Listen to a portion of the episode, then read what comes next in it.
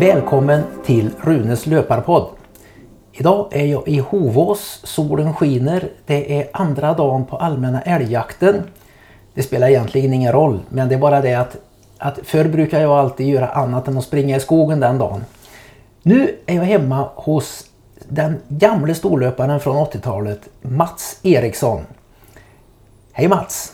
Hej Rune! Hej! Egentligen är det, det, ska inte jag säga hej till dig för jag är hemma i ditt kök. ja, men du är alltid välkommen. Så, att det... så är det. Ja. Många som lyssnar på den här podden, de har ingen aning om vem Mats Eriksson var. Då kan vi börja med att fråga dig, vad har du för personbästa på 10 000? 27, 56, 56. Så det är lätt att komma ihåg. Som jag sa till Lars-Erik Nilsson när jag frågade honom Mm. för ett år sedan vad han hade för personbästa på 10 000. Då sa jag, kan du repetera det? Ja, du är för blygsam, jag får repetera. 27, 56, 56. Ja, det, det är ruskigt fort va? Mm. På och det gjorde du i mitten eller början på 80-talet. 1982, 25 maj. Min mammas födelsedag. Det var en bra present. Ja. Ringde hem och gratulerade henne och så sa du får gratulera mig också för jag slog svenskt rekord. Ja. Och första gången du gick under 28 minuter. Ja, till och med 29. Var det första gången du gick under 29 också? Herre min tid. Nu hör man alltså det att det finns ju en anledning till varför jag har sökt upp Mats Eriksson. Ni kommer att, när ni lyssnar på detta kommer ni efterhand att förstå anledning efter anledning och många av er kommer att häpna. Och herrejösses, var han så bra? Det vet jag att du var därför att vi var ju samtida ehuru på andra olika distanser. Jag minns ju dig väldigt väl. För, mitt första minne av dig det var ju eh, finalloppet 1979. Jag var med och sprang dåligt. Men så berättade de att det kommit en smålänning. Han har kommit från Stensjön utanför Nässjö i Småland. Och han, en ung kille, ja, då var du väl 21 år eller någonting va? Ja, det var jag. 21 år då ja. Precis. Han bara flöt fram över leran där, för det går i början på november gick ju alltid finalloppet. Från, från eh, Härkeshult utanför Landvetter och in till Skatås. På riktiga skogsstigar alltså, inte några sådana här grusade grusåtter och sånt. Nej, det var väl lite grusväg i början men sen gick du in på den här Hindåsleden där ju. Ja. Det- Han bara flöt fram. Han kommer att bli något, sa någon. Då var det någon som sa, han är redan något. Det var mitt, starka, första minne av dig. Så att jag var ju mycket väl medveten om vem Mats Eriksson var. Ska du veta. Och det har ju varit så att du dominerade ju tillsammans med eh, min förre gäst då, eh, Lars-Erik Nilsson från eh, norra Värmland, Torsby. Ja, han var med i junior kanske i början lite där. eh, Och, han är väl född 61 eller? Ja, 61-62. Ja, så han är tre år yngre än mig. Ja. Så att jag hade väl lite, Hans Segerfeldt var det väl en stor antagonist, ja, eller stor löpare. Just det. Hur bra var Hans Segerfeldt? Eh, han gjorde 28 och 19 tror jag på 10 000 där och eh, 13 och 30 på 5 000. Jag vet inte om han var under 13-30 men eh, han var väldigt och vi hade många fighter han och jag i början. Det är ungefär som viktigt att ha någon att fightas med. Man, Det var en hård jäkel. Ja, Jag minns, eh, jag träffade honom i San Diego när jag bodde där borta och studerade där borta, sprang också. Att han, det gick ju rykten om honom va? Sådana här roliga, positiva rykten. Det kan ju gå rykten om vad som helst om folk men det var det var, så- sådana rykten skulle jag också vilja ha om mig själv tänkte jag. Hur otroligt hårt han tränade. Och jag fick ju konfrontera honom med de ryktena och det var ju, ryktena var ju bara hälften av vad han sen berättade. Så det var en hårding den där. Alltså han, han gjorde också, kan säga, en, mindre än en halv minut långsammare än ditt svenska rekord. Vem tog du svenska rekordet ifrån? det var Nils-Bertil Karlsson som hade det. 28 08 tror jag det låg på ungefär. som han satte mitten på 70-talet eller? Ja, 75 på DN-galan där satte han den.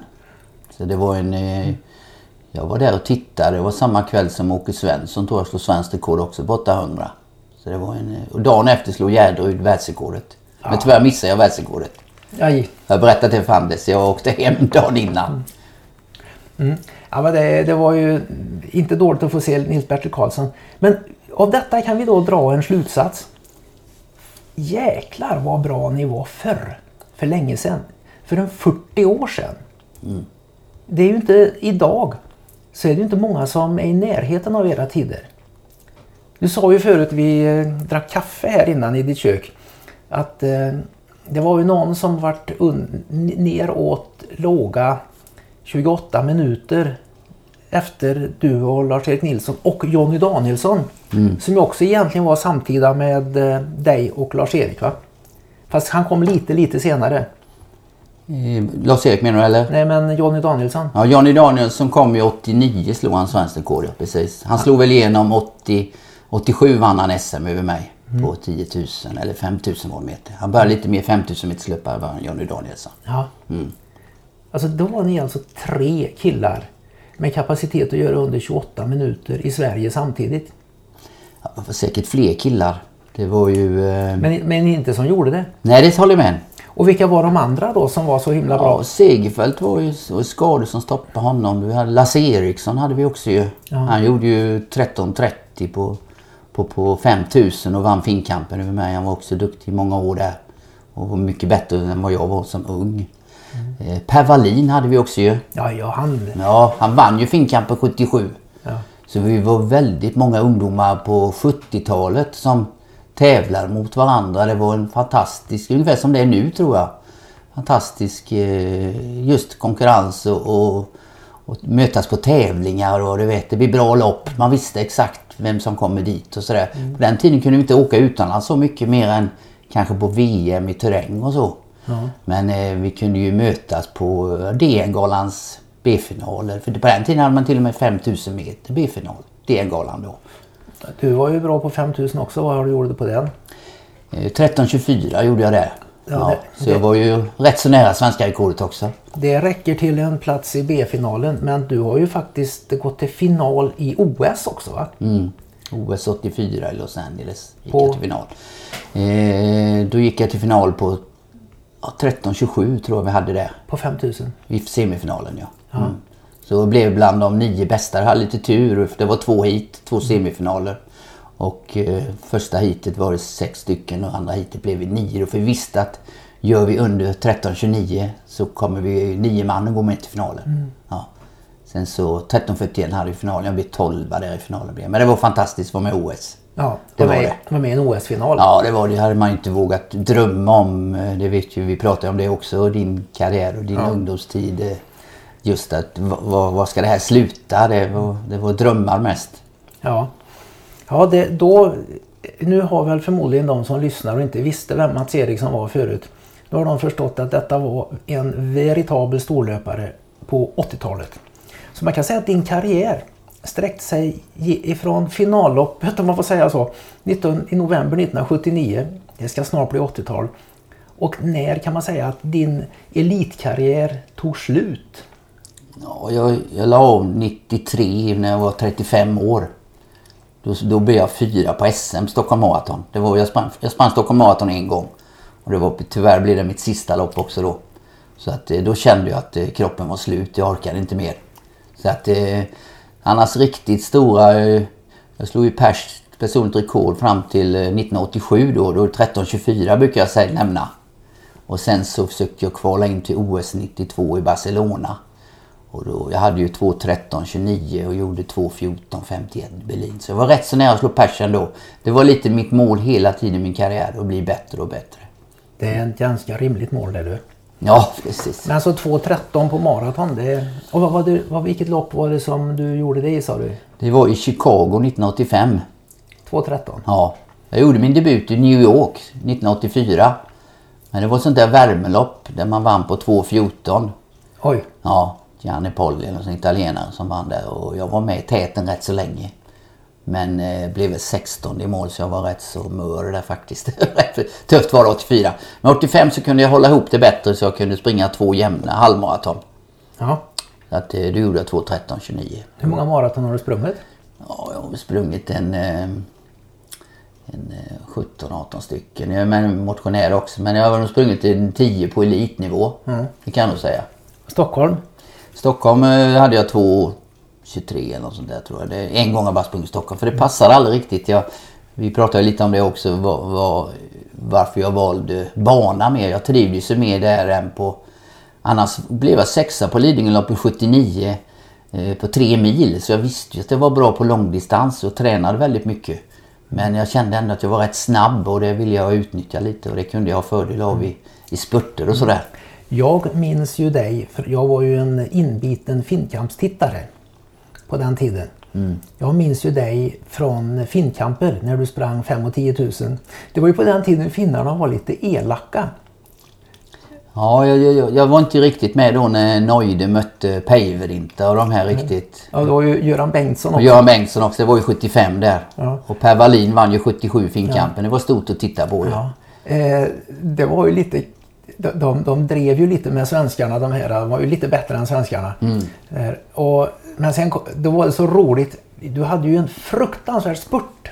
Vill jag minnas. Ja det var det på europeisk nivå hade jag väl den. Det var tufft kanske världsnivå. Men visst, jag hade en bra spurt, det hade jag. Och det var, det var väldigt bra att ha när det var semifinaler och kval till finaler och sådär. Ja. Då kunde jag ta till den där. För ofta sprang de inte jättefort då ju. Nej. Nej. Så det var några som blev lurade som, som inte ville dra och spara sig till spurten. Mm. Trodde de skulle klara sig. Men... Hoppas att de inte gjorde det. Jag har alltid, alltid haft mycket sympati för den där som drar fältet. Ja, jag vet det. Det, alltid, det vet man ju också. Men jag har haft mina fans också lite. Så att det... Ja. Nej men finkamper har du, du har varit med i hur många som helst säkert? 13 finkamper var med i. Och vunnit hur många gånger? Eh, jag har nog inte vunnit. Fem, sex, fem gånger eller något tror jag vunnit. Mm.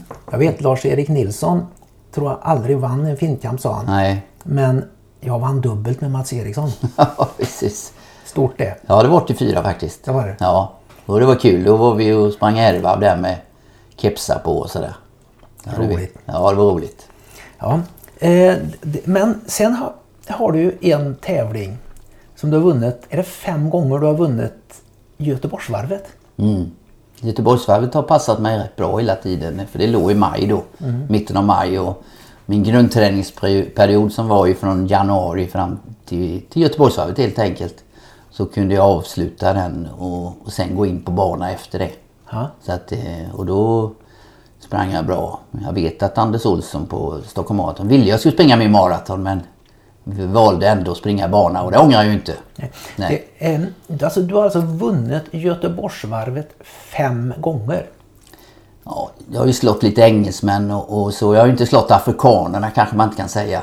Det, de kom väl lite senare. Tanzanianerna kom i slutet på 80-talet då. När, och sådana som bodde på Bosön och så. Så jag hade lite tuffare mot afrikanerna när de väl kom. Men mm. jag fortfarande hade ju en bra tid. Jag har ju tre minuters fart. 1.03 har jag gjort runt på Göteborgsvarvet här.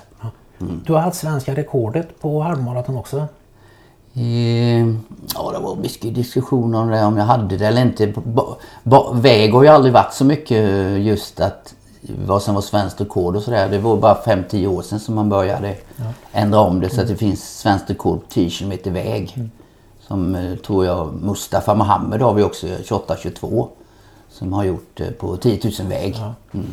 Vi vet ju alla att Mustafa Mohammed är en fantastisk löpare. Mm. Men han är ju ändå redan en 25 sekunder långsammare än ditt bästa 10 000 meter. Det säger ju lite om hur bra ni var på den tiden. För mm. alla vet ju att Mustafa Mohammed han är ju den som har gjort mest avtryck på svensk långdistanslöpning på bana och eh, även terräng då, landsväg mm. på senare år. Eh, så det, det, är ju väldigt imponerande egentligen. Men fem segrar i Göteborgsvarvet, det, det fanns ju många som var väldigt bra på Göran Högberg, mm. du hade ja, Jan Hagelbrand, icke att förglömma. Han sprang kanske inte så mycket halvmaraton. Kjell-Erik Ståhl och så, även om han aldrig fick till det på halvmaraton riktigt, så, så var han ju duktig också. Tommy Persson, mm. Håkan Börjesson har ju. Så vi, det var ju ändå många som ville... Sören Hellmark som blev svensk mästare på maraton 85. Kommer du ihåg Sören Hellmark? Ja. Kville. Ja, jag, jag får gåshud när du läser upp adelskalendern här. Ja. Det, det var enormt många jättebra löpare i Sverige på den tiden. Mm. Ända fram till. Men sen tog den här vågen med bra svenska löpare på det. Den glesades ut avsevärt på 90-talet. Mm. Vad hände? Ja, det, det, det, och Claes Nyberg var väl det som höll på och vi hade flera där, Bjarne Tysell och Jo, Magnus Bergman och... Eh, men just bredden kan man väl säga, det säger man ju, det tappar man i Europa och även i Sverige att under eh, tre timmar på Stockholm Marathon så var det färre. Färre och Lidingöloppet också var det ju under två timmar där. Så var det inte lika många som det var på 80-talet. Så det, det, det minskade hela tiden gjorde det. Och, och, men just, jag vet inte om det inte var så populärt att springa och träna så mycket som gjorde det kanske och ändå var det fler som sprang Ja, och färre som sprang fort. Och det, till och med på elitnivå så blev det ju färre och de som var elitlöpare, du nämnde ju fa- fantastiska löpare då som ja, Claes Nyberg och Bjarne Thysell och eh, de där. De där, det låter ja. ju lätt. Anders Salkaj har vi väl också. Det kom Jo, ju jo men Salkai, Salkai han var ju... Kent Claesson hade vi också. Det är många namn. Jag hoppas att ni inte glömmer någon. Nej då. Nej. Eh, det, det, vi, får, vi får inte glömma någon för att då kan det bli så att de tycker att, att de blir diskriminerade. Jag tror inte de eh, tänker så. Nej. Men vad kan detta ha berott på? Jag har lite, spekulerat lite själv på mina långa ensamma löparrunder. Varför har det glesat ut i toppen? Och även, inte bara toppen. Jag tror 1983 eller 85 eller när det var. Då var det så otroligt många, över tusen svenskar som sprang Stockholm Marathon under tre timmar. Sen på, efter 20-talet, efter millennieskiftet, så var det ju år då det bara var en 125 svenskar under tre timmar. Det är en enorm nedgång. Och det var hela en- Europa. Det var ju inte... Det var inte bara Sverige. Nej. Nej. Nej. Det är intressant. Vad kan det ha berott på? Det, jag vill knäcka den gåtan. Jag har några olika teorier. Som jag någon gång skulle vilja ventilera med någon. Och jag har nämnt några teorier. Och en del har bemött mig nästintill aggressivt när jag har kommit med mina synpunkter. Och det har varit, en grej varit att anstormningen av väldigt, väldigt talangfulla och duktiga afrikaner i alla lopp. Att det har påverkat löpningen negativt på elitsidan i Europa. Du behöver inte eh, säga ja eller nej på det för att det är ett känsligt område.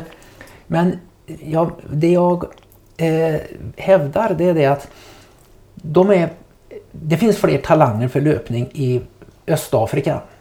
Det, det, det ska ingen kunna... Du, du kan ta en östafrikan som kommer på en flyktingförläggning i en eritrean eller någonting i Sverige och börja få den att springa för han inte har så mycket annat att göra innan han får några jobb. Och så vips så är han ju elitlöpare. Det, den observationen är väl inte helt felaktig antar jag. Nej, det, det som jag tänker på när du säger det, det är ju att världsrekordet blev ju bättre och bättre ju, genom afrikanerna också. ju. Och det gjorde att skillnaden blev för stor för oss svenska ungdomar tror jag. Ja. Genom att på min tid så låg de ju på 27 och 30. Ja, Och sen helt plötsligt började ju under 27 och då om du börjar att göra 29,5 på 10 000 så kanske du upplever att det blir för, jag vet inte om de tänkte på världsrekordet men vi, vi tyckte nog att vi var närmare genom att vi hade Gärdud också med olympisk guld. jag menar att Och, och, så att, eh, och vi hade finnarna också ju. 1972 så satte ju Lasse Wirén världsrekord i OS-finalen på 10 000. 27.37 eller vad han hade. Det, var ju, det, alltså, det, det är ju inte omöjligt för en talangfull svensk eh, 19-åring som satsar på att bli långdistanslöpare och drömma att han kan springa ännu fortare än så. Men nu är ju världsrekordet i pratande stund 26.11. Ja, det är äckligt bra ja. Ja, det är bra. Ja. Men, men inte bara det. Jag hävdar att, att östafrikanerna, de är som regel genetiskt väldigt, väldigt lämpliga för... Alltså väldigt många watt per kilo kroppsvikt de utvecklar. För de har bra motor inne i kroppen, men de har inte så himla eh, tungt chassi som de flesta eh, europeer har. Som är liksom har fått överleva på att hugga ner skog och gräva diken. Och plöja och såna här grejer. Slå med lie. Genetiskt då. Eh, så vi är grövre och tyngre och det har inte varit en överlevnadsfaktor att ha en energisnål kropp som kan vandra över vidderna. Mm. Eh, dels det, men sen tror jag också att när de tar kraftprovet i Trollhättan. Ett totalt ointressant lopp att titta på. Det är bara en anledning till att jag går ut och tittar på kraftprovet i Trollhättan. Det är inte för att se vem som vinner, för det vinner någon som jag inte kan uttala namnet på och inte har en relation till på något sätt. Va? Mm. Som man hade då förr till eh, bröderna Nali som är från Tanzania. Mm. De hade man ju faktiskt en relation till. Det var ju roligt när de kom. För de, de var ju så mycket i Sverige och de, det var ju nästan bara de som kom. Mm. Så det tycker man var kul. Men nu är det liksom att de fem, sex första det är afrikaner som inte man känner till. Mm. Och så kommer någon svensk som springer jättebra. Eller ta Göteborgsvarvet. Eh, tänk dig en kille som eh, har sprungit Göteborgsvarvet på 1.04. Bra tid det. Mm. Och så eh, kommer han och så, så han blev, går han ska ha sponsorer för han vill kunna åka ut och satsa och dra ner i arbetstid och sådana saker som krävs då. Mm. Och så går han till sin sponsor och säger jag, jag var bäste svensk i Göteborgsvarvet. Jaha, vad hade du för tid? Ja, 1.04. Jaha. Vad blev du på det? Jag blev nia.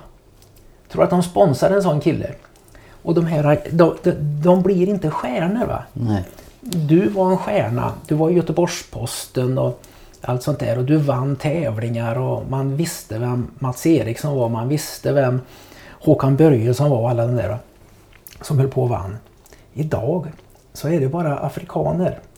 Och eh, eh, nu har vi ju en afrikan då, Mustafa Mohammed. Han är ju halvafrikan skulle jag vilja säga. Mm. Han, han, I sitt sommarprogram så frågar, ställde sig han ju själv frågan är, är han svensk eller är han somalier? Han sa han är liksom både och. Va?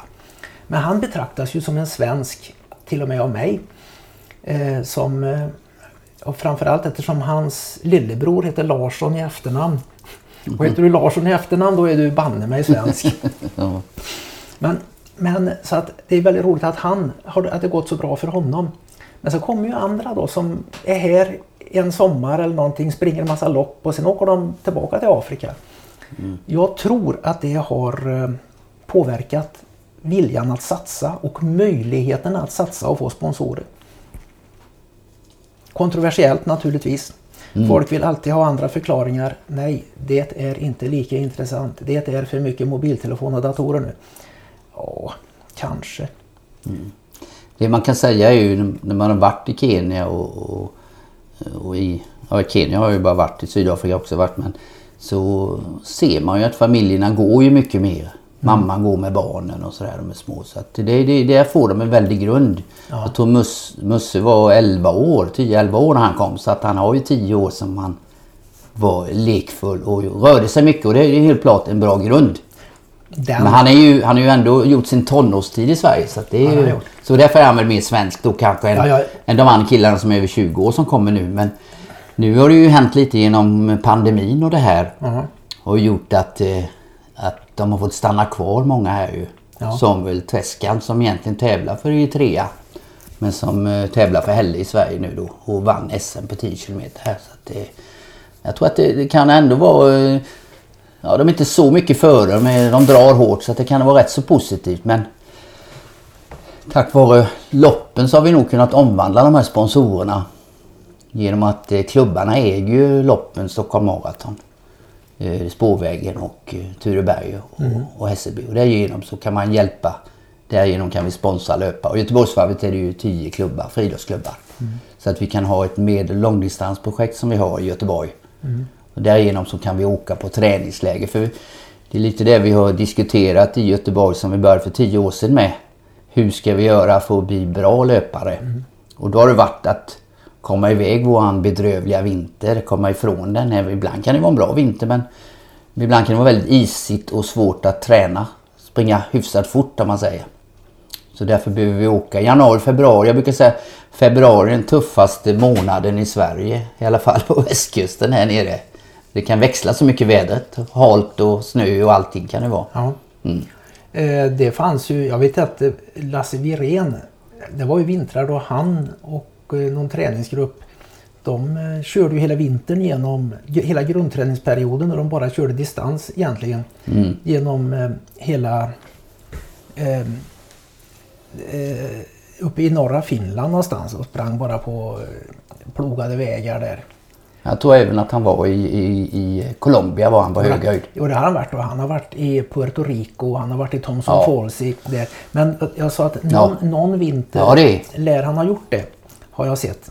Evi Palm har vi, hon älskar ju att vara hemma i Sverige. Ja, då, det gör Ja, hon, hon gillar aldrig att åka på Hon var med i Australien en gång men sa hon aldrig mer. Hon vill inte åka på de där lägren. Nej, Hon trivdes hemma bättre och, och var på sitt jobb. Och Ja. Kanske halvtid han då och jobba och sådär. Ja, hon, hon jobbar väl nästan, ja från jobbar hon nä, nästan heltid som Ja, det kanske hon gjorde. Jag för mig att det var inte riktigt. Men hon kunde i alla fall springa till jobbet Ja. och springa hem. Ja, Och det var ju bra. ja. Hon sprang, så gjorde nog många på 70-talet tror jag. Det var därför vi var så duktiga. Ja, det blev, men en annan, Ja. grej, en annan grej som tränar vi annorlunda på 70 och 80-talet än vad vi tränar på 90-talet och 00-talet.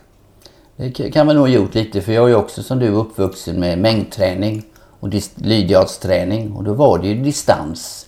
Frågan är ju vilken fart man skulle hålla men det var ju distanslöpning och samla på sig så många mil som möjligt. Sen så utvecklades ju det på 80-talet med snabbdistans och sådär. Finnarnas träning fick vi tag i lite. De sprang ju 15 kilometer rätt så hårt och det kallades det snabbdistans på den tiden då. Och där utvecklade vi lite det och, och snabbhetsträningen. Vi körde i Göteborg, Ullevigången 10 gånger 100 och sådär. Så då utvecklade vi det också. Sen så eh, backen, det hade vi väl koll på med Gärdrud och så.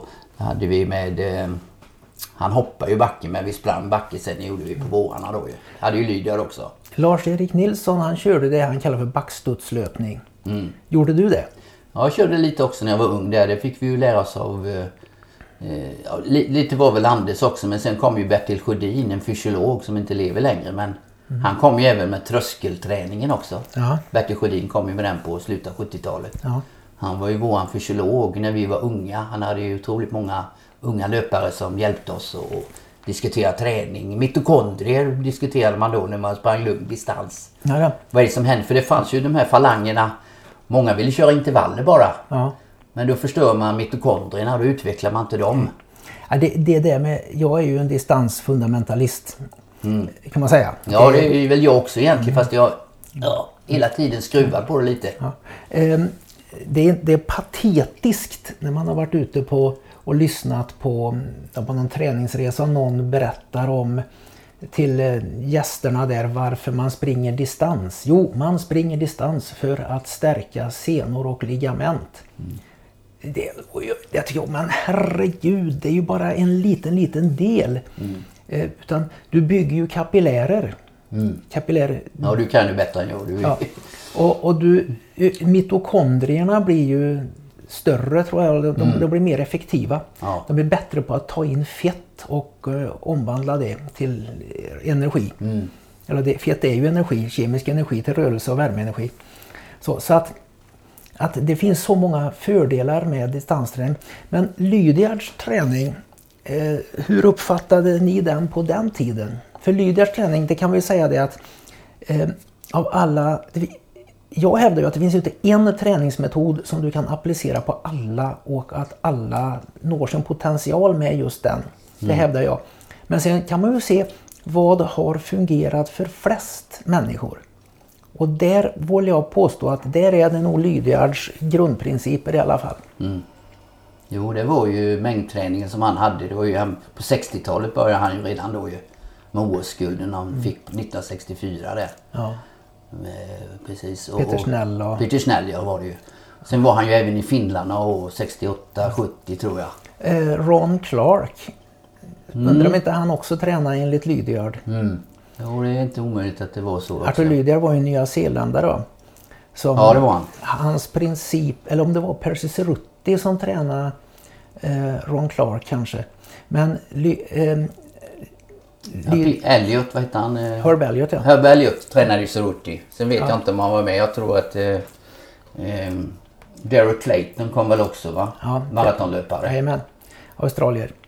Det var ju han som hade var, eh, maraton världsrekordet när jag var som minst sämst på maraton. Mm. eller som bäst. Eh, men det gick ju med en väldigt lång grundträningsperiod med väldigt mycket distans. Där finnarna då som blev fantastiskt bra. När de låg och uppåt en 25 mil i veckan. En del Pekavas, eh, vad heter han, Juha Vätäinen han låg upp mot 30 mil i veckan. Och körde under grundträningsperioden. Och det var ju så ovanligt att man körde på det viset så att då fokuserar ju folk på oj, är det så man ska träna? Och de tänkte inte att ja, det är så man ska träna under en tid på året. Sen så såg man ju den här övergångsträningen som kom någon gång fram i mars, april. Då de körde den här backstudslöpningen då, där de fick en, ö, ö, träna upp en väldigt snärt i steget. Eh, och sen körde de ju mycket, det var ju då de, mycket mer intervall och mycket mer snabbdistans kom in. Och sen toppade sig för banträningen, då var det ju ren rå snabbhetsträning. Flygande hundra och korta backar och jag vet inte, hur körde ni? Eh, ja, jag, jag körde lite, jag körde sådana här varianter från Lydia då när jag var ung och sådär. Det gjorde jag på sommaren. Eh, men då, då började ju hälsinneproblemen började för många löpare då ju. För det blev också för en omställning var det ju. En lugn distanslöpning kanske och så massa snabbhet då. Det blev en väldig belastning. För Många fick ju problem med hälsena. Det kanske var de hårda banorna. Vi hade gummiasfalt i början av 70-talet. Så det läste man mycket om. Eh, att springa med spikskor och sådär va. Så det, det, det har nog förändrats lite det här med spikskor. Att inte springa så ofta med det. Kanske bara ha det på tävlingar. Gunder Hägg. Jag läste eh, kanske den mest inspirerande bok om löpning jag någonsin har läst. Eh, mer inspirerande än när jag läser min egen bok Löparglädje. Det var Hur jag blev Gunder Hägg, en mästares råd till ungdomen. Den går att få tag på på biblioteken. Ett häfte mer eller mindre, en rätt tunn bok. Där han säger det att spikskor, det ska man bara ha på tävling. Och när du kommer in på banan och tar på dig på spikskor, då ska du känna att nu är det fest. Nu äntligen ska jag få släppa loss på allvar. Eh, Det var liksom eh, därför som han aldrig tränade i spikskor. Nej, ja, han hade ju, det var ju väldigt isigt och sådär också tror jag ibland och snöigt. Men eh, för han sprang ju väldigt fort har man ju förstått. Ja, Att eh, han kunde ju köra fort både morgon och kväll ju. Ja. 4-5 kilometer eller sådär. Så att det, det finns ju en ny bok om uh, Gunde Hägg också. Jag vet inte vem han heter, han som har skrivit den. Gunde Häggs uppgång och fall. Han följer hela hans karriär. ja. Den är väldigt intressant. Jag har läst Gunder Häggs memoarer också senare, Mitt livs lopp. Och eh, man, man lär sig ju... En, jag har ju alltid sökt kunskap om löpning. Vad har fungerat? Och då kan man säga, åh Gunder Hägg, det var så länge sedan. Det, det är ju löjligt. Det, är, det var ju stenåldern. Det kan vi inte lära oss något av. Men det är helt fel. Jag hävdar att man kan lära sig väldigt mycket av dem. Precis som att du tillhör ju den här nya generationen löpares stenålder. Eh, Gunder Hägg han var ju ungefär en 35 år äldre än vad jag var. Mm. Och de som, det är ju för 35 år sedan som du var som bäst. Jag håller med dig. jag tyckte det var väldigt gammalt då. Gunde Hägg gjorde ju under 14 minuter 1942 på Slottsskogsvallen. Och jag gjorde under 14 minuter 1980 på GP-spelen. Oj. 13.58 precis som han gjorde. Ja. Gjorde han, jag. han blev den första i världen under 14 minuter. Ja, det stämmer. Ja. En eh, stolthet för svensk löpning skulle jag vilja påstå. Han, eh, men kan du berätta lite, hur såg ett träningsår i grova drag ut när du, under 80-talet när du tränade? Ja, det växlade väldigt mycket. Men det var ju... Eh, vi ska plocka ut ett år. Eh, man kanske åkte till eh, Portugal och, och körde snabbdistans. Kanske 13 kilometer. Jag hade, varje lördag körde man 13 kilometer. Jag kunde köra på torsdagar snabbdistans eh, 6 kilometer. Vi växlade också. Vilken tid på året? Ja, nu är vi inne i januari, februari. Mm. Men sen kunde jag även lägga in kanske på sommaren också 5 kilometer. Jag testade mig ibland på grusväg 5 kilometer på sommaren bara. Men eh, jag kanske sprang på 14.30 bara. Men det var tufft, det var jobbigt att ligga på så mycket max ändå. Så det var ju ett sätt att springa länge och hårt med hög puls. Det är bra träning och Även om intervaller också är bra men man får ju alltid akta sig lite för mjölksyran på något sätt hela tiden. Det är väldigt intressant. De här Ingebrigtsen. Mm. Jag har snappat upp någonstans att de också kör så här länge och hårt. Eh, och jag snackade ju med Lars-Erik Nilsson och hade också hört från Jan Hagelbrand som också hade tränat där med ehm, eh, ah, nu har jag tappat namn här, i Australien. Eh, maratonvärldsmästaren 1983. fan heter? Rob de Castella. Rob de Castella, ja. Australiensaren. Det var ju att de började ju rätt, han började rätt lugnt, sprang på en rätt backig terrängbana. Och så gick det fortare och fortare men det blev väldigt länge, lång tid i högt tempo. Och det var inte så mycket eh, intervall som att det var just bara att de låg länge i högt tempo. Samma var det med Toshiko Seko som eh, ja- japanen som eh, gjorde ju 2.09, eh, nästan 2.08. Han var också fantastisk maratonlöpare då runt eh, ja, 80, början på 80-talet. Han vann det Boston Marathon som jag, där jag slog mitt personbästa Mm. eh, på 2.09. Det var så bra man var då innan afrikanerna kom och rörde till det Mm. för 40 år sedan. Ja.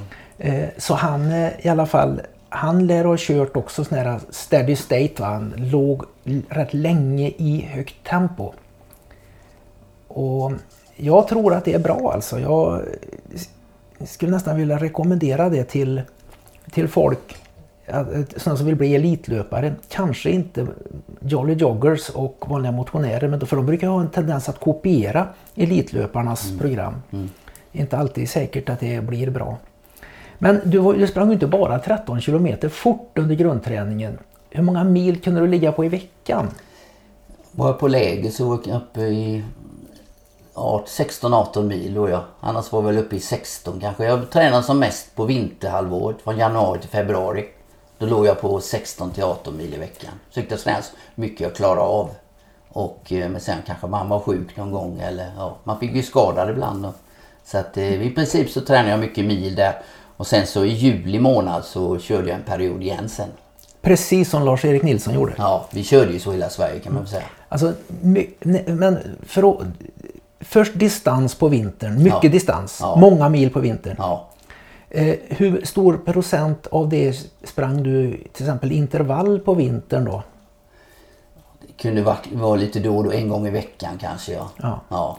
Så att det var grundträningen, mycket mil. Ja. Och hur, hur långt ifrån ditt, din kapacitet på 10 000 låg du på distanspassen? Jag sprang väldigt lugnt på distanspassen kanske. Men var vi i Australien och kortbyxor, det är väldigt sånt som är avgörande och solen skiner Ja. och du är utvilad. Då kanske du kan springa på fyra minuter ändå. Ja. Mm. Kanske ännu fortare om det känns lätt och fint du vet. Men om du är hemma i Sverige och regnar och det blåser eller är snö och halt och du har massa byxor på dig och mössa och vantar. Menar, då går det på fem minuter. Ja. Det går inte att springa fortare. Så det är väl det, var nackdelen med att bo i Sverige. Att, tycker jag, att växa upp eh, genom att vi fick ju aldrig den här lättheten i löpningen. Eh, Lydiard förespråkade ju en övergångsträningsperiod. Ungefär från när snön smälter i Sverige. Om vi säger att du ska vara som bäst i slutet på maj och till fram till midsommar och därefter. Va? Där har du ju ban, för nu snackar vi banlöpare. Vi kan ju även lägga in detta på halvmaraton, Göteborgsvarvet, Stockholm maratonlöpare. Samma principer. Och sen ska du vara bra augusti och september. Vad eh, hur, hur tränar du på övergångsträningen? Du gick ju inte direkt ifrån en distansperiod och in på snabbhetsträningen. Eh, nej, det, jag gick ju, hade ju en övergång så att jag började, jag började nog, som du säger, jag tror att det var det som var skillnaden också, de här som sprang distans. För när jag kom till Göteborg, som kom kanske från mitt lugna tempo, 5-6 minuter, så började de springa fortare här nere ju. Ungefär som du sa när du kom till USA. Då började jag träna med Rolf Kårevik och Sivert Axner och de här. Och jag gick ner 4.30. Jag var ju rätt så sliten första året när jag kom ner som ung 20-åring till Göteborg. Ja, vi kan säga att de killarna du räknade upp där, det var ju fantastiska medeldistansare. De gjorde ju det runt eh, 3.40 Mm, 3.41 där ju. på eh, 1500 och sånt. Ja. Också totalt bortglömda idag. Fast eh, väldigt bra löpare. Ja, förlåt att jag avbröt men jag ville bara skriva in några namn till i adelskalendern. så att det, det, det var ju därför min tränare hemma i Stensjön då, Göran, ville att jag skulle byta klubb. Jag var ju uppvuxen i en liten klubb. I Småland? Han, I Småland ja. Så han förstod att ska jag utvecklas så måste jag nog träna med andra som är bättre va. Det var väldigt osjälviskt. Ja, visst det, det, det var en, det var stort av Ja. en sån tränare. Och så träffade jag då Tom Persson som var tränare med Mölndals AIK på ett läger i Rättvik. 1978 på sommaren. Vi bodde ihop han och jag. Ja. Och så sa han om du, vad krävs för att du ska komma ut i Mölndals AIK då? Ja, ordnar du ett jobb så kommer jag, sa jag. Och det gjorde han då så helt plötsligt blev det ett gymnastiklärarjobb då. Så det är ödet ibland. Det var intressant. Eh, vi, vi ha- hattar hit och dit. Ordnade du ett jobb? Hur många av er på den tiden var det som jobbade utav er som var så himla bra? Många studerade ju också. Lasse Eriksson studerade civilekonom. Eh, Bo Arsveden var ju en duktig löpare. Ja, Eh, Jurist eh, läste han ju till och, och så vi många satsade. Jag skulle vilja säga att Segerfält, det var vissa löpare som prövade heltid. Jag tror många av oss hörde lite att det kanske blir för det blir för lite, det blir, man blir, blir för tråkigt kanske. Att Så jag gillar att jobba halvtid. Okej, Så det var många diskussioner mellan löpare på den tiden. Ska man jobba halvtid eller ska man träna på heltid? Så mycket av mina träningsläger, då jobbar jag ju ingenting. Nej. Men när jag var hemma då ville jag ha något annat att göra också. det var min dröm att få eh, träna på heltid i ett par år och kunna vila på heltid. Alltså träna kanske en 20-25 mil i veckan distans och sen vila. Tänkte jag få vila mellan passen. Det har aldrig jag fått. Men jag tror att jag, gillar, jag vill ju ha tryggheten också. Och det hade man inte riktigt. Så mycket pengar tjänade man ju inte. Nej. Jag vill ju inte leva på, du vet, ha det för knapet. Och det räcker jag tror det kan bli farligt också. Mm. Så vi känner att man ändå kan äta bra mat och allt det där. Så att man var ändå tv- viktigt att eh, jobba, träna hårt, Mm. jobba lite. Och, men visst, jag visste väl om jag skulle bli riktigt bra så, så, så hade jag kunnat leva på min idrott. Det hade jag väl kunnat göra. Ja. Men det, det, det, det blev aldrig så. Nej, eh, det hade inte jag kunnat. Nu ska jag avslöja hur mycket jag har dragit in i prispengar genom åren. 18 000 kronor. Okej. Det, det är inte en månadslön. Nej, nej. Eh, Jag har lagt däremot eh, åtskilliga tiotusentals kronor för på den tiden var inte flygerna avreglerade. Va? Så att eh, när man skulle ut och springa något ultralopp ute i Europa eller världen. Det gick ju en halv månadslön eller mer därtill. Va? Och sånt. Så att eh, det är mycket billigare att flyga idag. Så att jag jobbar ju sju dagar i veckan. Vilket lopp var mest status egentligen? Var det Spartathlon? Spartathlon tveklöst. Det var ju, det var ju liksom det var, det var det ultraloppet som hade riktig status. Bland ultra. Dit, hamnar man förr eller senare om man håller på med lång ultradistans. Sen eh, VM på 100 kilometer fanns det väl en viss status i också. Och sen det här loppet mellan Sydney och Melbourne på den tiden när det gick.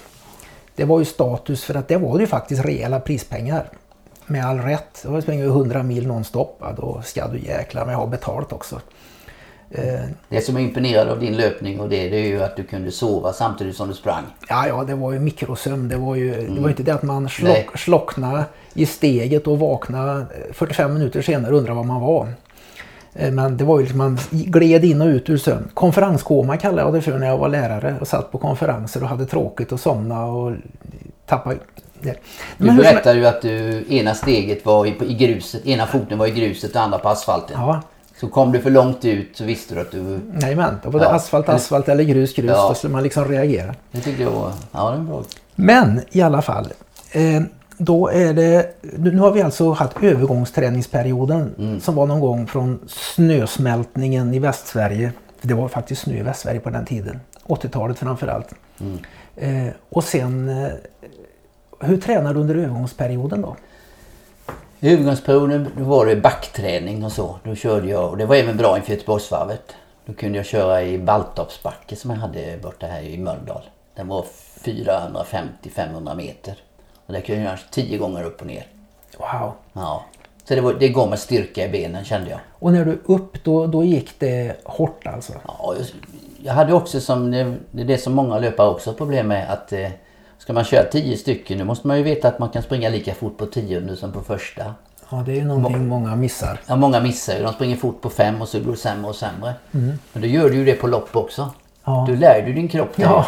Att fan, jag, jag, han vill springa långsamt nu ju. Ja, Så det är mycket med mentala också. Att du ska ändå tvinga dig i slutet springa fortare och fortare. Drog När du- smärtan är liksom. drog du på dig mjölksyra på de backpassen? Ja det gjorde jag hela tiden tror jag nog att jag gjorde. Körde rätt så hårt. Sen var det ju inte att jag jag blev alldeles så, så nervös. Jag fick ju inte den ångesten som jag fick kanske för ett barnlopp eller Göteborgsvarvet då. Liksom man blir nervös och, och krävdes någonting. Då, då, då helt plötsligt kopplar ju någonting på i huvudet som man inte vet riktigt. Det, det är det mentala som spelar in. Och det, det behövde man inte ta fram på träning. Det, det var också väldigt viktigt många gånger när vi tränade ihop att vissa var, kanske var lite bättre på träning än tävling. Och det upplevde jag att jag, jag ville gärna hela tiden vara bättre på tävling.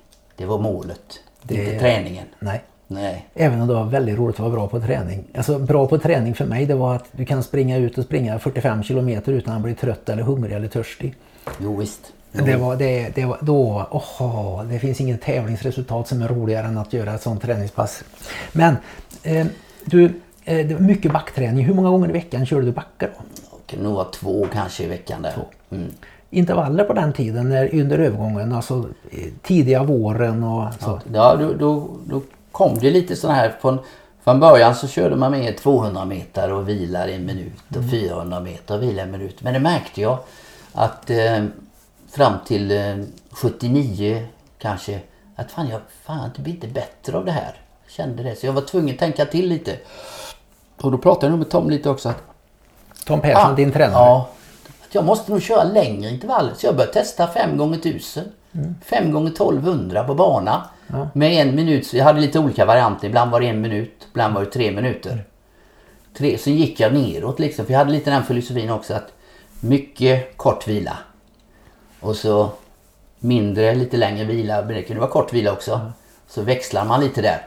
En minut eller tre minuters vila. Och då var jag ju nere på 5 gånger 1000 med 2 minuters vila på 2.42. Det var ungefär vad grabbarna... 2.42. Och det, är ju- då fick ju hjärta jobba. och, det, och det gjorde ju till slut att man... Att jag kunde springa även fort på 1500. 3.41 gjorde jag på 1500 år. Så att det... det och då kanske inte gick lika bra på maraton. För maraton låg oftast på hösten. Då kunde jag bygga på mig igen. Ja. Efter barnsäsongen lite så. att, Eh, hur mycket, den här backstudslöpningen, totalt bortglömt idag. mm. Mångsteg i backe tror jag Anders Gärderud kallar det för. Hur, hur eh, gick ett sånt pass till? För det körde du också lite grann på, under övergångsperioden va? Mm. Och då, då var det lite lydig. Jag tror jag följde lite för att jag, jag hoppade 200 meter ungefär. Gärderud hade rätt så långa backar men det trivdes jag inte. Han hade ju upp till 400 meter i hopp. Det är rätt tuff träning. Så jag kände jag var lite kortare. Jag var junior också.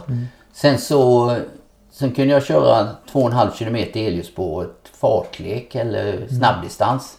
Och sen kunde jag köra hopp igen och så köra det igen. Så jag växlade lite så i olika backar. Det- Där beskrev du ett Rune Larsson-pass Mm. när jag ska vässa mig och liksom provocera fram något som liknar en formtopp. Mm. Då, det var en metod jag hade då på ett elljusspår men då körde jag liksom där det kom en backe. Där hoppade jag upp för dem. Mm. Men jag hoppar mera flackt och framåt. Lars-Erik Nilsson han hoppar mera uppåt. Hur hoppar du?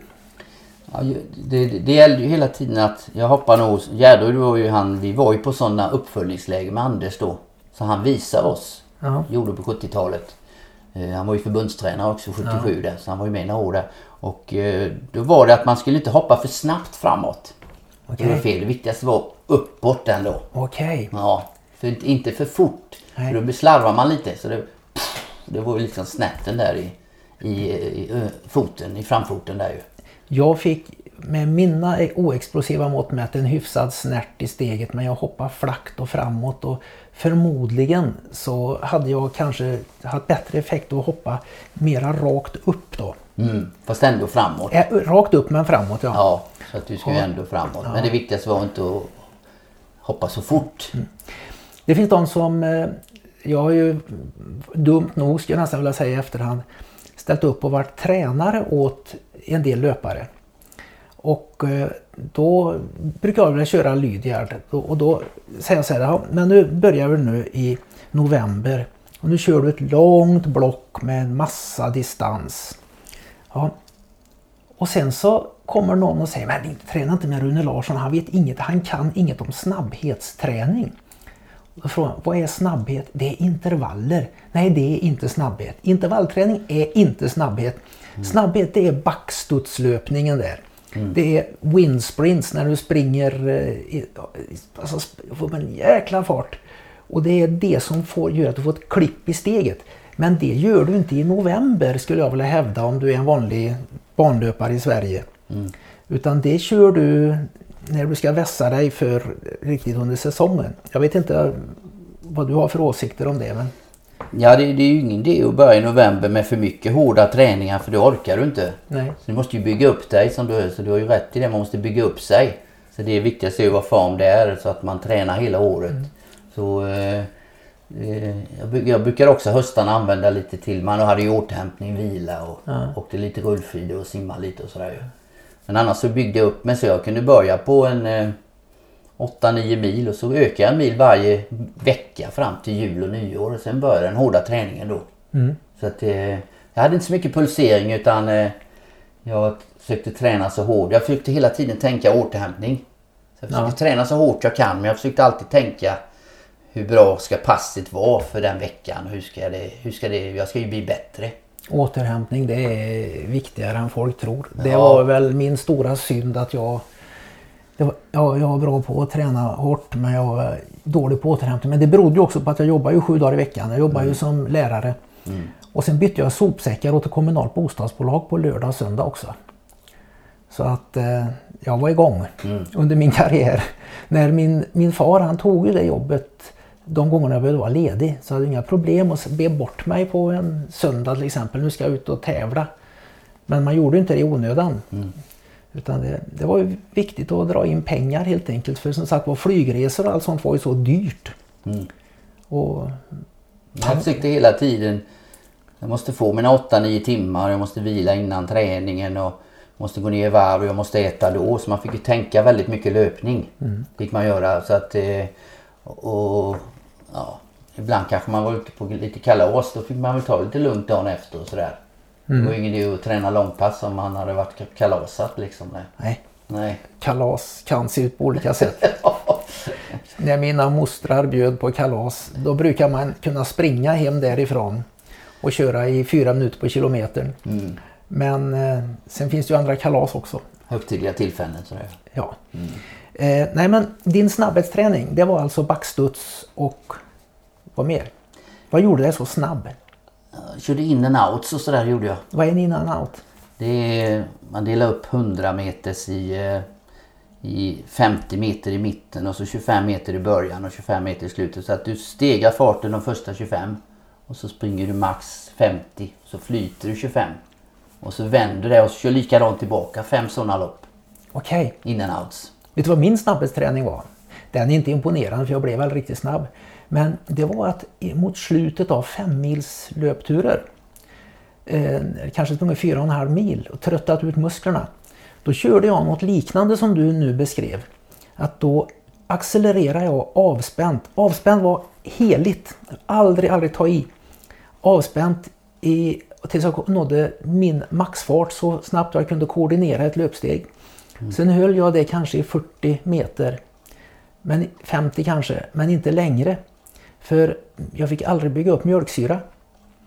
Eh, och då kunde jag köra en 10 sådana mm. på, eh, mot slutet av en fem, femmilsrunda. Och min teori bakom det, det var det att när jag hade tröttat ut musklerna och så började jag köra sprint, då kunde det kännas enormt lätt att sprinta. Eh, då kände man inte alls trött. Det var som att man hittade nya eh, sätt, kroppen hittade nya muskel enheter, muskelbuntar, kalla det vad du vill, nya nervbanor. Mm. Eh, recruitment of, of inactive, inactive neurons stod det i en fysiologibok som inspirerade mig till det. Men det var även gamle mästerlöparen Erik Österby som du väl känner till. Mm. Mm. Eh, förste svensk kanske, beror på hur man räknar, under ja. 2.20 på maraton. Mm. Mycket kontroversiellt säga ja. det. Ja. 1961. Eh, han, eh, han körde det Det är att han körde några sprinter. Och sen var det, lyssnade jag på en föreläsning av en fantastisk fysiolog, Mikael Sjöström eller vad han hette. Han tipsade också lite om detta med att hitta nya muskelnervbanor. Där. Mm. Eh, Så att det var min snabbhetsträning. Den liknade in där. In and out kallar vi den för. Ja, det, det du säger var väl lite att det kom lite då när man hade kört distans, kanske en timme, så kunde man köra några stegenlopp efteråt. Ja. Som liksom lite snabbhet då. Sådana grejer hade man då lite för sig ibland. Men risken är att man gjorde för mycket. Det är ju det som alltid är farligt. Det var därför jag sa mjölksyraförbud. Ja, Jag ska vara helt avspänd. Om jag börjar ta i och försöka pressa mig på de där sprintsträckorna. Då har jag skitit i det blå skåpet alltså. Det, avspänningsträning har varit väldigt viktigt för mig. Jag vet inte, körde du någon avspänningsträning när du sprang? Hade du liksom fokuserat på att springa så avspänt som möjligt? Det verkar nästan som när, du, när de hyllade dig i lyriska ordalag efter att ha vunnit det här leriga finalloppet 1979. Hur du helt avspänt bara flöt fram genom skogen som de sa. Ja, det tänker ser alltid fort ut den som vinner kanske. Men, Ja. Nej, det är ju... Men det gick väl på 3.10, 3.20 det gick väl ungefär så att det kanske såg fort ut. Ja. Det, men visst, eh, man ligger ju ovanpå. På, eh, men jag var lite van också tror jag att tävla lite på det sättet hemma i Småland. Lite lerighet och jag var ju uppvuxen på sådana spår egentligen också. Ja. Hemma i Lövhult här i Nässjö. Jag tränar ju där. Och, och, så då, jag tror att jag hade lite i mig det, visst. Men du, när du tränade då på 80-talet, gick du in för att träna avspänt? Tränade man avspänningslöpning på den tiden? Ja det gjorde man ju. Jag gillar inte alls att spänna mig utan eh, till exempel när jag värmde upp och gjorde stegenslopp i början så be- det fanns ju vissa löpare som maxade nästan ju. Ja. Jag ville mer värma upp för den farten jag skulle ha då i loppet. Ja. Då återkommer jag till eh, Gunder Hägg, mästaren. Eh, han, han hävdar ju det att spänn dig aldrig. Inte ens om du håller på att förlora i en spurt skall du spänna dig och ta i. Så kan du inte flyta för, ifrån den där konkurrenten så okej, låt honom passera. Eh, där. För det får aldrig bli ett beteende. Och det tittar man ju på de här eh, eh, 100 meterslöparna, de bästa, filmade framifrån. De är så avspända så att käken hänger och fladdrar. Va? Och eh, den mm, Sveriges sprintmästare i min värld nummer ett, Peter Karlsson. Jag frågade honom, eh, jag skrev en artikel om honom för eh, Runners World. De satte rubriken Haren och sköldpaddan. Där han var haren och jag sköldpaddan. Eh, det var eh, vilken egenskap ska en bra 100 meterslöpare ha? Så han att han ska kunna simma i ett hav av adrenalin och vara helt avspänd. Det är väldigt viktigt. Ja, är Ändå, ändå tränas det idag. Jag hör ingen idag som ger råden om att de ska träna på att springa avspänt. Ja, och man försöker nog i alla fall få dem till att, inte, att slappna av och mer sådär. Ja. löpteknik eh, även på sprint och så. så att det, Men det är väl att vi springer i olika hastigheter också idag eh, när vi kör intervaller. Så att man kan springa i eh, lite tröskelfart 1000 meter och sen kan man springa 400 lite fortare. Man växlar lite. Ja. Så att eh, du inte bara springer i samma fart hela tiden när du kör intervaller. Nej. För det är risken att du spänner dig och du vill gärna ha ett bra snitt. Ja. Utan man växlar mycket mer idag. Jag eh, träffade av en slump Henry Rono. Som du mycket väl känner till. Mannen som tog Anders Gärderuds rekord på hinder. Han eh, hade ju alla världsrekord från 3000 meter upp till 10 000 i slutet på 70-talet. När du stod i början på din karriär. Eh, Fran, vad kom det sig att du blev så bra 1978? Han gick ju från att vara bra till att bli absolut världsbäst.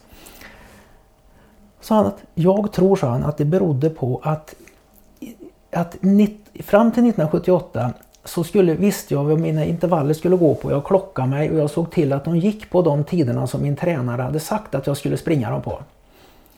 Men det som gjorde mig bra var när jag inte tittade på klockan förrän efteråt. Vad gick den här intervallen på?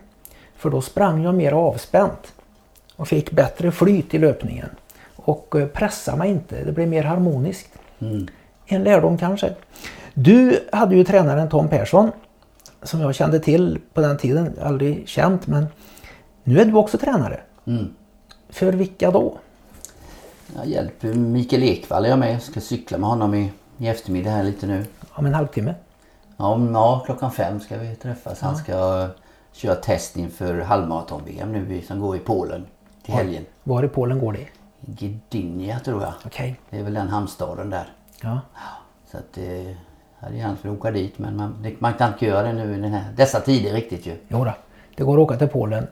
Min eh, yngste son Zacharias han studerar i Poznan på ett, en handelshögskola där. Och vi var nere, frun och jag, och eh, körde ner honom till Poznan. Och eh, det var rätt så avspänt. Nu får du, måste du ha en ansiktsmask på dig när du är utomhus. Det hoppas jag att de slipper springa och andas genom tyg men det lär de väl få slippa. Eh, men du, Ekvall, är det något mer du tränar? Jag hjälper en kille som heter Gabriel Steffensen också ja. Som har haft lite kämpiga år men som kämpar på. Han är född 96, 24 år. Ju 30 minuter ungefär på 10 000. Oj, Så att eh, han tillhör en av de där som har gjort väldigt många bra. Det är många duktiga löpare idag som springer 5 och 10 000 nu. ja. Och, och tack vare, eller tack vare, jag ska nog säga det, den här gjort, eh, pandemin har gjort att eh, vi har varit hemma mycket mer. Vi har inte kunnat tävla utomlands. Eller vi, De här stora loppen har inte konkurrerat längre, Göteborgsvarvet eller Stockholm Marathon. Utan 10 000 har plötsligt blivit en, eh, en tävling som många kommer på och springer. David Nilsson de gjorde 28,5 och sådär du vet. Och många har gjort under, under 30. Jag skulle nog säga att det här året har nog varit en eh, fantastisk tid. Det har varit bra för Ja, 10, men det har varit bra. Jag tror det var också, en- det är lite splittrade löparna idag. De ska springa de här försörjningsloppen kanske. Stockholm Marathon och alla där. Va? Det är ju i sig en fin merit att vinna där och bli svensk mästare. Men, men vill man vara banlöpare så är det svårt att, att klara det också. Ja, antingen eller. Jag tycker nog lite det ja. Vad, vad säger du om inomhussäsongen då? Ja, det, den, är ju, den har ju alltid varit så jag tycker man kan springa SM och, och försöka få bort det här februari, det hemska vädret. Och då kan man köra lite inomhus om man har chans att komma åt en sån 200-metersbana inomhus. Och då kan man springa SM kanske, kanske köra en tävling till. Tränade du, eller tävlade du inomhus när du var som bäst? Jag tävlade några gånger. Jag var, vi hade riksmästerskap på den tiden i Skandinavium, 3000 meter. Så det sprang jag 79 och 80 tror jag det var, eller 80 81. Och då hade jag 8 10 och sånt där, 3000. Eh, Så jag gjorde ett eller två lopp per år. jag hävdar, eftersom jag alltid ska ha åsikter om allt inom löpningen, att, inom, att det är fel att satsa på inomhussäsongen om du vill vara bra utomhus. För en eh, löpare från 1500 uppåt. Därför att det rubbar grundträningsperioden. Det är bättre att du satsar på en rejäl grundträningsperiod istället. Skippa inomhussäsongen. Det kan du hålla på med om du stavhoppar och där saker. Och tre steg, då kan du hålla på med sånt där. Men nu är det grundträning som gäller om du vill bli riktigt bra till sommaren. Det är min åsikt. Eh, och det gäller de flesta. Men vissa kan ju kanske behöva av rent psykiska orsaker en eh, inomhussäsong. Men då tycker jag inte man ska satsa på att försöka vara formtoppad till det som jag vet att en del har försökt med. Nej, det är väl sant. Man kanske inte behöver toppa sig så hårt. Men ser vi en sån som Andreas Kramer så har han ju, han har inte så mycket andra tävlingar kanske än på sommaren då. Och han har inte så mycket på våren. Och, och så har han inomhus också då va. Men sen eh, Det är 800 meter. 800 mer ja. Kan vara lite annorlunda. Precis, det kan det ju vara då. Men eh, Suldan Hassan då som har sprungit bra 28.30 och så. Han kan ju kanske tävla. Han har ju tävlat både inomhus och sen på sommaren. Men jag kan väl också säga att vi har en väldigt lång säsong. Vi har ju terräng-EM annars i december. Europamästerskap och Nordiskt mästerskap i november. Och, men nu blir det inte så i år på grund av pandemin då. Men annars är det, det, det är mycket tävlande kan det bli. Så det gäller att en aktiv själv känner hur mycket man klarar av. Ja, jag tror att eh, framförallt som ultradistanslöpare. Där kan du springa ultra året runt. Jag tror att det är väldigt viktigt att inte tävla för mycket och inte och sätta av en del av året och du inte ska vara i form. Okej, du kan springa någon tävling men du ska baska mig inte vara i form. Utan det ska bara komma liksom som en hoppsan, mitt i min grundträning så gör jag det här loppet och vilar ut det lite och sen så kör vi vidare. Det är min filosofi. Eh, skillnaden mellan tränaren eh, Mats Eriksson och han elitlöparen Mats Eriksson. Jag är också lite sån som tränare. Jag försöker få dem aktiva och lära sig att bli sin egen tränare och det blev jag också. Mm. Så att man ska lära sig så mycket. Jag gick ju tränarkursen när jag var 14 år och, eh, och gick ungdomstränarutbildning i Svenska Friidrottsförbundet när jag var 18 år. Mm. Så jag gick rätt mycket. Jag var intresserad av att bli tränare också. Sen blev jag ju bra som aktiv också så det gjorde mig. Jag lärde mig mycket och så försöker jag lära mina aktier. Jag var mycket mer mentor kanske. Att vi diskuterar så de försöker få dem att lägga upp sin egen träning. Och, mm. Men ser att någonting är så fel så måste jag ju tala om det ju. Men det är inte alltid så lätt att ändra på. Nej. Jag studerar... Löpare är väldigt envisna. Mm. Jag studerade ju coaching på universitetet i San Diego där jag gick. Mm. Bland annat. Eh, min examen det är ju för en grundutbildning för de som ska bli, eh, fyra år utbildning, för de som ska bli tränare, idrottslärare, gud vet vad, man gör. Och första ordet jag fick höra, en tränares främsta uppgift är att så snabbt som möjligt göra sig själv överflödig. Mm. Och sen en annan var, en tränares uppgift är att utveckla unga män och kvinnor. Eh, det är en väldigt, väldigt bra träningsfilosofi vi fick lära oss där borta. Jag tror att det har ändrat sig lite nu. Det känns lite så när du och jag växte upp så hade vi inte tränare, vi Nej. hade ledare och så hade ja, vi. Det hade vi. Och det, det, här tycker jag är rätt intressant. Och det är ju det att, att eh, jag trä, var ju friidrottare, jag kallade mig för friidrottare ända tills jag blev ultradistanslöpare. Då kände jag det att jag kanske inte hörde hemma bland friidrottarna längre. Till min stora sorg. Men det var mm. inte jag som tyckte det, det var mer friidrottarna som tyckte att jag inte hörde hemma på den tiden. Det gör de nu. Ja. Helt annat nu. Mm. Eh, men då var det det att, att eh, man kom till Trollhättans sportklubb och det fanns sådana som hade hållit på i många år där. Och, ja, det, det, blev en kultur. Man blev en del av en kultur som var väldigt värdefull. Och det diskuterades träning, man tittade på hur har den tränat, hur tränar finnarna, mm. hur, hur tränar de förr och sådana här saker och vad har fungerat. Det blev så att man sprang och snackade om det på träningspassen och man lärde sig av varandra. Man blev uppfostrad på något konstigt sätt när man kommer där som en 15-åring, lite blyg. Mm.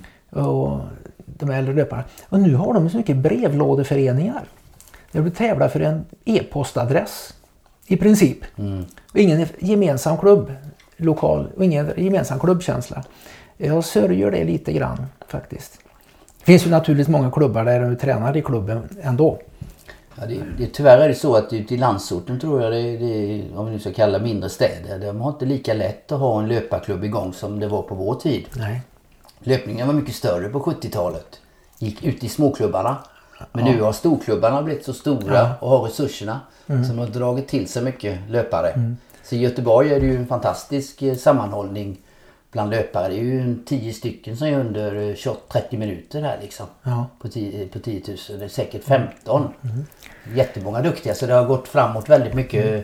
Och, och, men jag håller med. Jag tror också när, när vi är tillbaka i en pandemi att vi diskuterar alla lite mer för att det har ju ändrat sig lite då vi ska diskutera träning. Vi kommer in på den norska varianten. Så är det ju den här tröskelträningen, millimolträningen.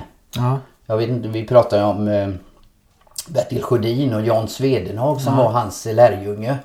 De pratade om 4 millimol, 4,0. Ja. Då när det pikade i mjölksyran. Ja. 4,0 ungefär. Ja. Där skulle man ligga då. Mm. För då återhämtar man ju sig bäst. Vi är tillbaka igen med återhämtningen. Det var det jag också lärde mig. Ja. För att man vill ju inte träna för mycket så att man behövde 48 eh, timmars återhämtning Nej. eller 72 du vet Nej. som är riktigt mjölksyrapass. Utan man behövde bara 24 timmar så kunde man träna en rätt så bra. Det är en viktig lärdom. Ja. Att, att träna den så kallade skiten ur sig på ett träningspass. Ja, nu kände jag att träning gjort nytta. För nu skakar benen när jag står i duschen. Så trött är jag.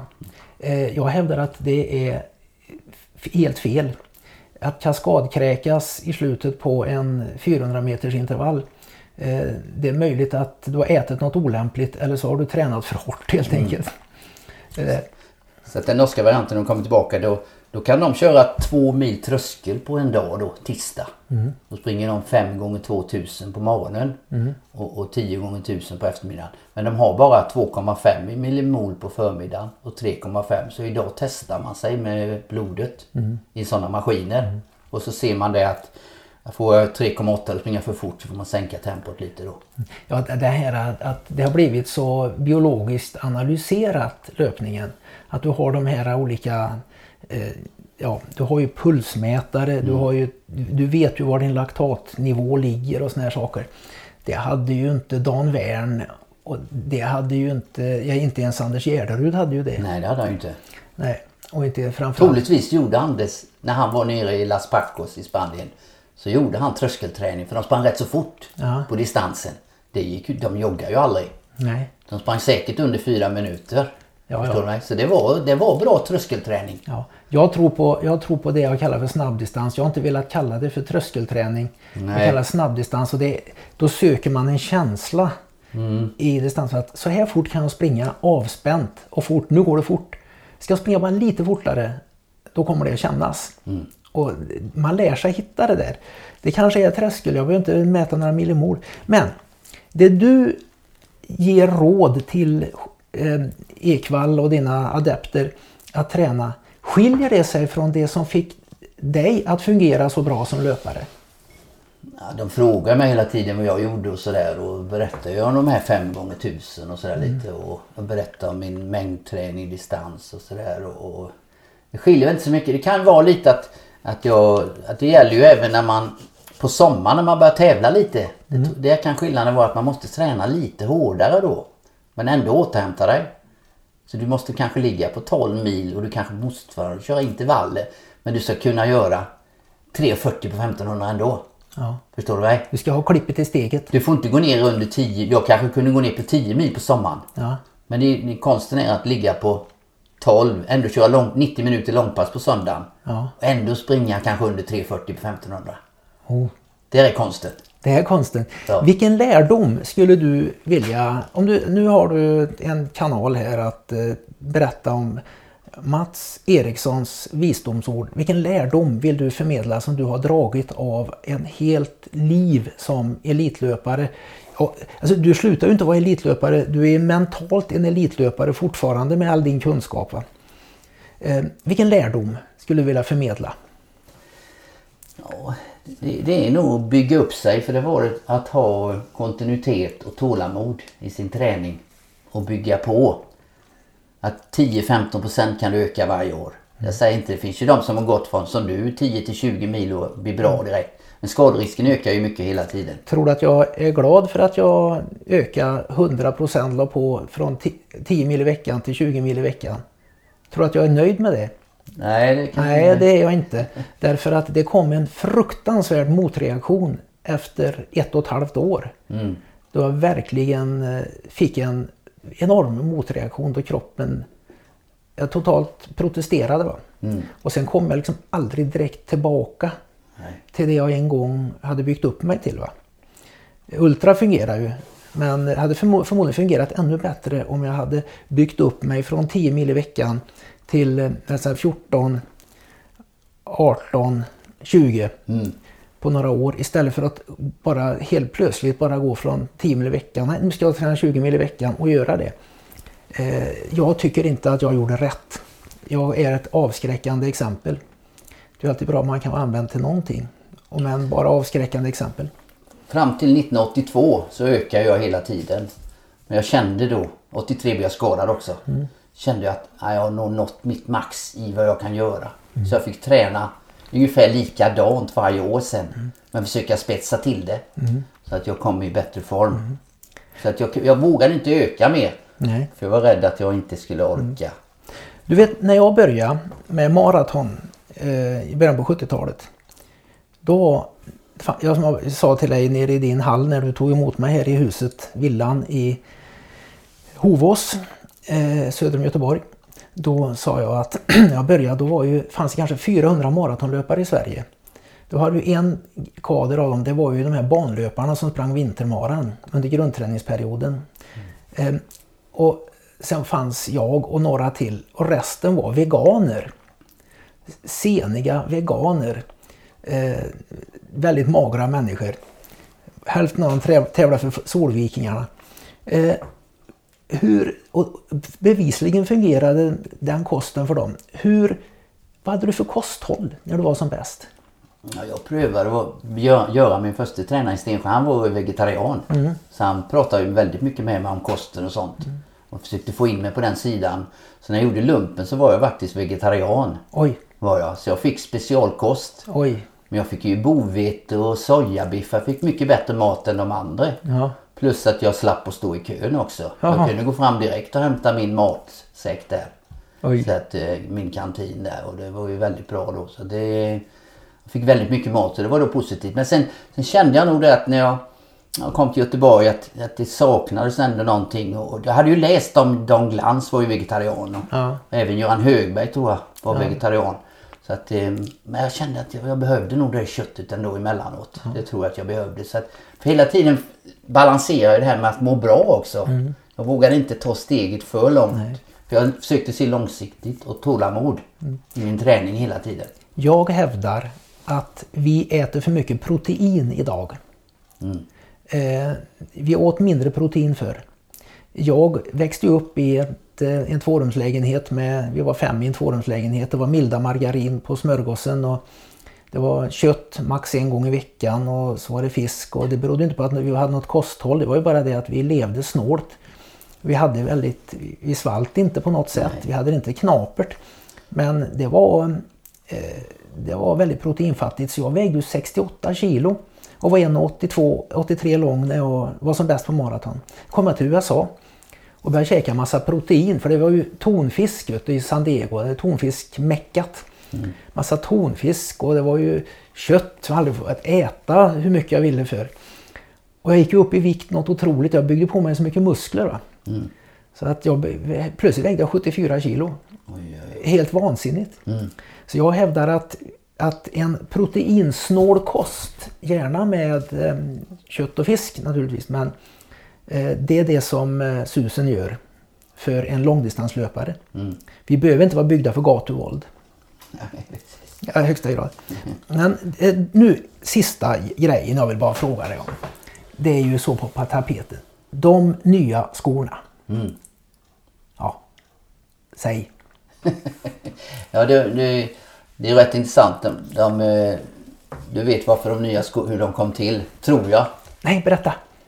Det var ju att Nike skulle göra under två timmar på maraton ju. Ja, Och eh, då kom de här skorna fram. Jag vet inte vilka som kom först. Om det var två timmars gränsen eller skorna. För de har ju funnits i tre, fyra år du vet. ja, Det är bara att ingen har sett dem förrän i höstas. Nej. De har ju, han sprang ju med dem i den första gången han gjorde... Jag tror inte han slog under två timmar då eh, Kipchoge. nej. Gjorde 201 eller någonting tror jag. Det, men det är ett sånt där lopp där man har harar. Mm. Det bytte ju ut. Han hade ju världsstjärnor som harar som sprang som ett, ett V där framför Ja, jag såg det. Ja. Så att, eh, och då kom ju de skorna som han testade där. Du, det ska jag berätta. I San Diego, när jag var där 1983, jag var ju där 80 till 83 då. Där var det en eh, fantastisk eh, löpare, han var nästan av din klass skulle jag vilja påstå. Tom, eh, vad heter han? Terry Cotton. Eh, han hade undersökt varför är världsrekordet på 10 000 meter bana så mycket bättre än 10 000 meter landsväg när det är, finns så många fler landsvägslopp. Och då filosoferade han om det och började testa att det är spikplattan, framfoten på spikskon. Den är ju styv och den ger en hävstångseffekt. Och då undrar jag varför la man inte in en plastplatta fram i landsvägsskorna, i tävlingsskorna? Han hävdade att, att eh, du måste vara stark i vaderna annars klarar du inte det. Och nu har de gjort detta. Eh, eh, 35 år senare äntligen och lagt in kolfiber. Varför hittar de inte på detta tidigare? Ja du, den som visste det. Ja. Jag har ändå jobbat i skobranschen också med New Balance i 11 år. Mm. Och, och sen 70-talen har jag ju forskat på pronationsstöd och supernationsstöd och ja du vet allt, you name it liksom. Mm. Eh, eh, Den här emellan, ja du vet, mycket de har gjort. Varför ingen kommit på den här men ja, det, det, det, det är så konstigt men just det, det är ju lite det här som du säger grafitplattan längst fram. Ja, Och sen kan man ju inte ligga på, man kan inte orka ligga, man måste ju ha i hälen annars så, så annars åker, den åker ju alltid ner när man blir Ja. trött. ja. Och, och, för man kan inte ligga på framfoten hela tiden. Nej. Och det gör ju att om den är rätt så tjock, den är ju 4 centimeter, får den ju vara nu. Ja. Det gör ju att då blir det vilande för dem. Och så kan de ligga på framfoten där. Så att, eh, och jag har köpt mig ett par också och testat och jag känner inte jättestor skillnad men jag känner ju ändå och ju mer jag ligger på framfoten bättre är det ju. Mm. Där har vi alltså, var, eh, jag tror ju faktiskt att de skorna verkligen har effekt. Ja visst är det det. Att de gör 4% som någon sa, det är osannolikt. Men ett antal procent, två kanske, en, två, och det är jättemycket. 2% på ett 10 000 meters lopp, det är en 40 sekunder för en elitlöpare. Det är ju brutalt mycket. Där. Men du vet eh, Gunde Hägg sa också med kolstyrsbanorna och allvädersbanorna. Ja. Han sa väl att det var en sekund per varv eller något sånt där. Det kanske, men det kanske inte blir så mycket ändå då men det blir ändå några sekunder ju. Du kommer ihåg, du, du, sprang också i allvädersbanor ju. Ja, ja, jag sprang, jag växte upp på kolstyb. Ja. Och, Och det gjorde att vi allväders- sprang bättre. Allvädersbanorna kom ju. Ja, ja, det var, det, det, det var ju... eh, Det blev ju bättre helt klart. Och framförallt på långa lopp, 10 000, där det blev upprivet av Ja, visst. På, Men om vi är tillbaka till de andra skorna. Jag vet att GH ska göra sådana här tester. I alla fall i våras så kom det. det man kan säga att det, det kom ju i Doha kom de där nya skorna. Kom ju de med Nike-skorna. Och, det, och då började andra löpare se dem. För andra löpare hade ju varit sponsrade av andra märken. Ja. Men helt plötsligt fick de, och då var de tvungna att köpa och testa dem där. Och David Nilsson var ju en bland annat då ju. Han slog ju svenskt rekord ja, dit på maraton där.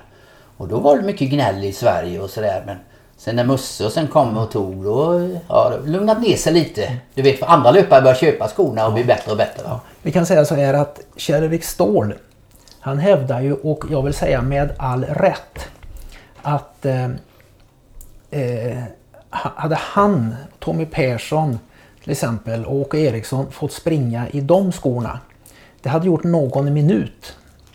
Eh, Han har aldrig hävdat att han skulle kunna konkurrera med dagens afrikaner. Nej. Det har aldrig Kjell-Erik Ståhl hävdat.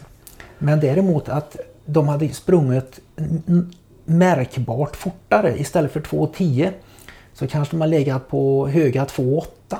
Eller mitt i 2.8. 2.8.30 eh, kanske. Det, det, det är inte alls osannolikt på maraton med de skorna. Nej. Nej, jag säger inte emot honom. Men vad, vad säger Gunde Hägg då? Vad sa han på den tiden? Ja, det var ju en sekund på varvet. Ja, det var ju, han kanske hade slått världsrekord även då på 60-talet och sådär. Ja. Jag vet, kommer inte ihåg vad han sa och sådär. Ja, det är mycket- Men han var ju väldigt kritisk han också på den tiden. Ja. Det, Jo. mot, man vill värdera sina resultat. Men tänk på sån här stav, du vet, ja det får man ju höra lite om sådär. Ja.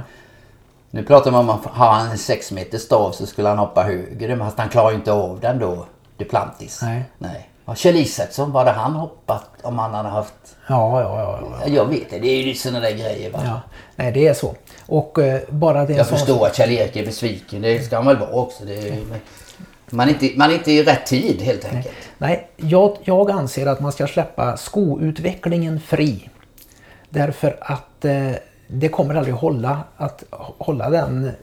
Men däremot vad som kväljer mig det är de här att när eh, Mo Farah slog världsrekord i entimmeslöpning så hade han först lampor runt sargen. Och det lär ju till och med den här eh, Ugandiern som slog världsrekordet på 10 000 ha haft.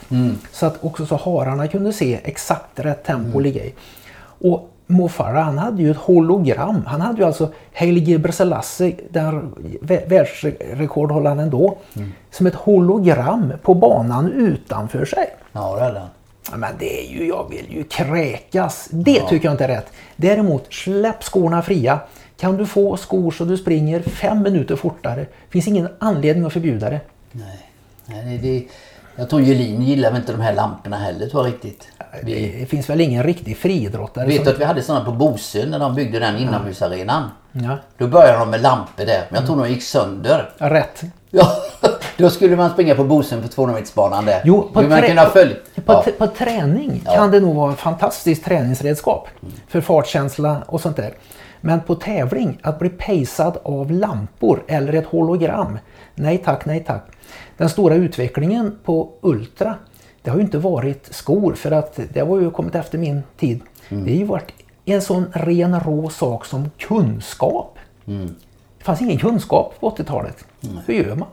Alla de här små detaljerna som kan eh, lösa problem och ta hand om komplikationer och sånt. Det har ju, vi fick vi lära oss, min fru Mary och jag som sprang. Och vi fick ju lära oss den hårda vägen genom att försöka säga varför hände detta? Varför blev jag så trött här omotiverat? Ja, saltbrist eller att, att eh, venerna i låren hade låst sig i ett utvidgat läge. Hur löser man det? Och, så han, och sen har man då spridit den kunskapen till dagens ultralöpare så slipper de göra misstagen om de har vett att lyssna. Jonas Budde måste väl ändå... Budde.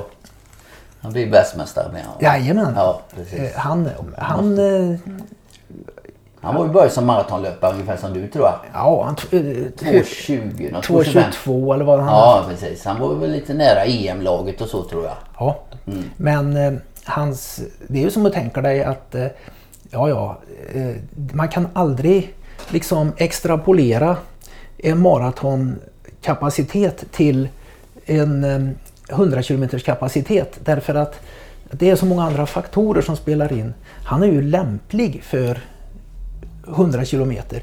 Däremot tycks han inte vara lika lämplig för sånt som är längre än 100 miles, alltså Nej, 16 mil. Det verkar som att hans... Det, Jag undrar om man tränar så mycket för det. nej, det är mycket, mycket möjligt att han kunde bygga om sig till en fantastisk eh, Vad 24 tror du Mikael. Ekvall då?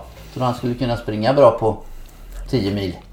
Eh, han är en bra löpare om han bygger om sig till 10 mil, satsar på det, tar till sig all kunskap som finns om konsten att springa fort på 10 mil och eh, tränar upp sig för det.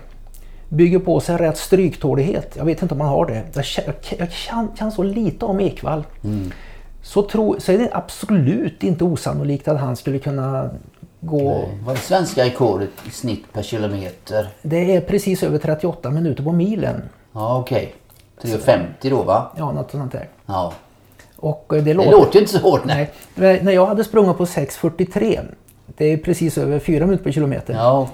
så var det en maratonlöpare i Sverige med kapacitet för 2.20. Han lär ha sagt, fick höra på omvägar, att det där skulle jag kunna gå ut och ta vilken dag som helst. Det är ju bara 4 minuter per kilometer. Det är ju mitt träningstempo. Där blir jag aldrig trött av. Det kan hålla hur länge som helst.